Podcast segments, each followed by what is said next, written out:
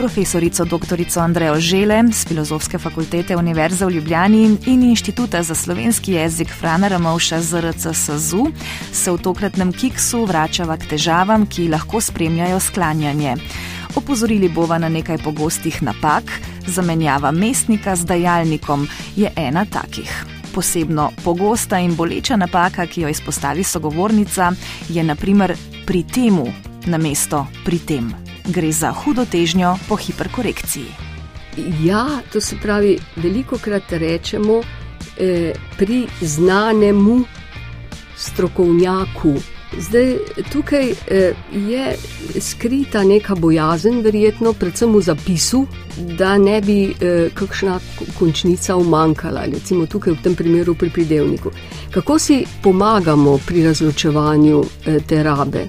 Ko govorimo o dajalniku, proti komu, čemu, recimo grem proti domu, grem proti domu, dajalnik ponavadi vedno izraža smer izraža smer, grem proti domu, grem kam, oziroma grem proti čemu.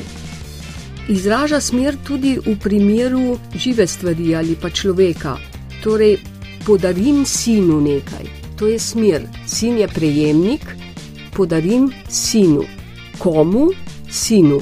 To pravi, dajalnik pomensko, komu ali čemu, je sicer to vprašalnica za dajalnik, vendar pomensko dajalnik vedno mora izražati smer. Nasproti pa mestnik, kot že sama beseda pove, lepo izraža mesto dejanja, mesto. Pri kom? Pri sinu.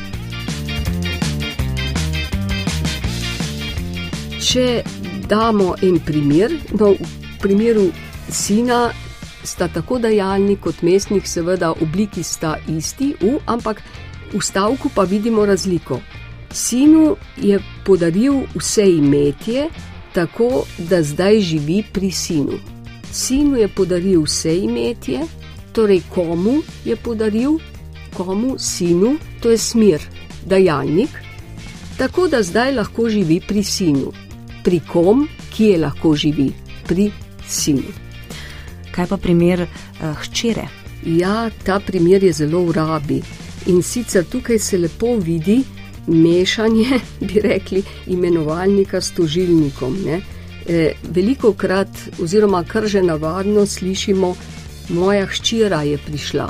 Torej, vemo, da je vidim hčer, a ne vemo, vidimo, da je to tožilniška oblika, in potem se ta hčer iz tožilnika, seveda z dodano končnico A, ker gre za tipično končnico ženskega spola, prenese kar v imenovalniško obliko. In potem dobimo na mesto vidim ščir, sporočilo, bolje bi rekli, lahko tam vidim ščir, na mesto tega rečemo, o, moja hčera je prišla, kar je seveda narobe, ne? moja hči je prišla, ne? Vidim pa hčir. To se pravi, enostavno tožilniška oblika hčir je dobila tisto tipično A-žensko končnico, ki jo je pa to ščiro preselila v imenovalniški sklon. In to je treba paziti. Torej, imenovalnik je hči in tožilnik je ščir. Opozorimo še na besedo vs pred samostalnikom srednjega spola v prvem in četrtem sklonu. Profesorica dr. Andreja Žele. Mislim, da tukaj pa prihaja tudi do nekega mešanja no, med imenovalnikom in tožilnikom, vendar to je že malo večja specialnost. E, vse premoženje so zapravili in opozarjajo nas vedno več, da na mesto vse premoženje včasih slišijo in napisano, da je tudi baje vso premoženje. Torej, tukaj pa lahko sklepamo na to, da vso travo, ne? trava je ženskega spola, tožilnik, vso travo je pokosil, torej tam vso tale raba vso se potem prenaša očitno, lahko potem sklepamo po tej napačni rabi, še na vso premoženje, ki pa je v bistvu vse premoženje. In ta ženska tožilniška oblika se prenaša v eh, srednjo tožilniško obliko.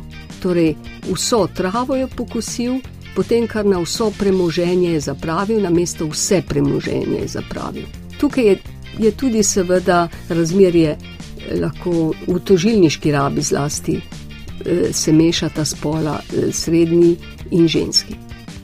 Ne torej vso premoženje, vso bogatstvo ali vso osebje, kar se že pogosto pojavlja v govoru, ampak je pravilno vse premoženje, vse bogatstvo in vse osebje.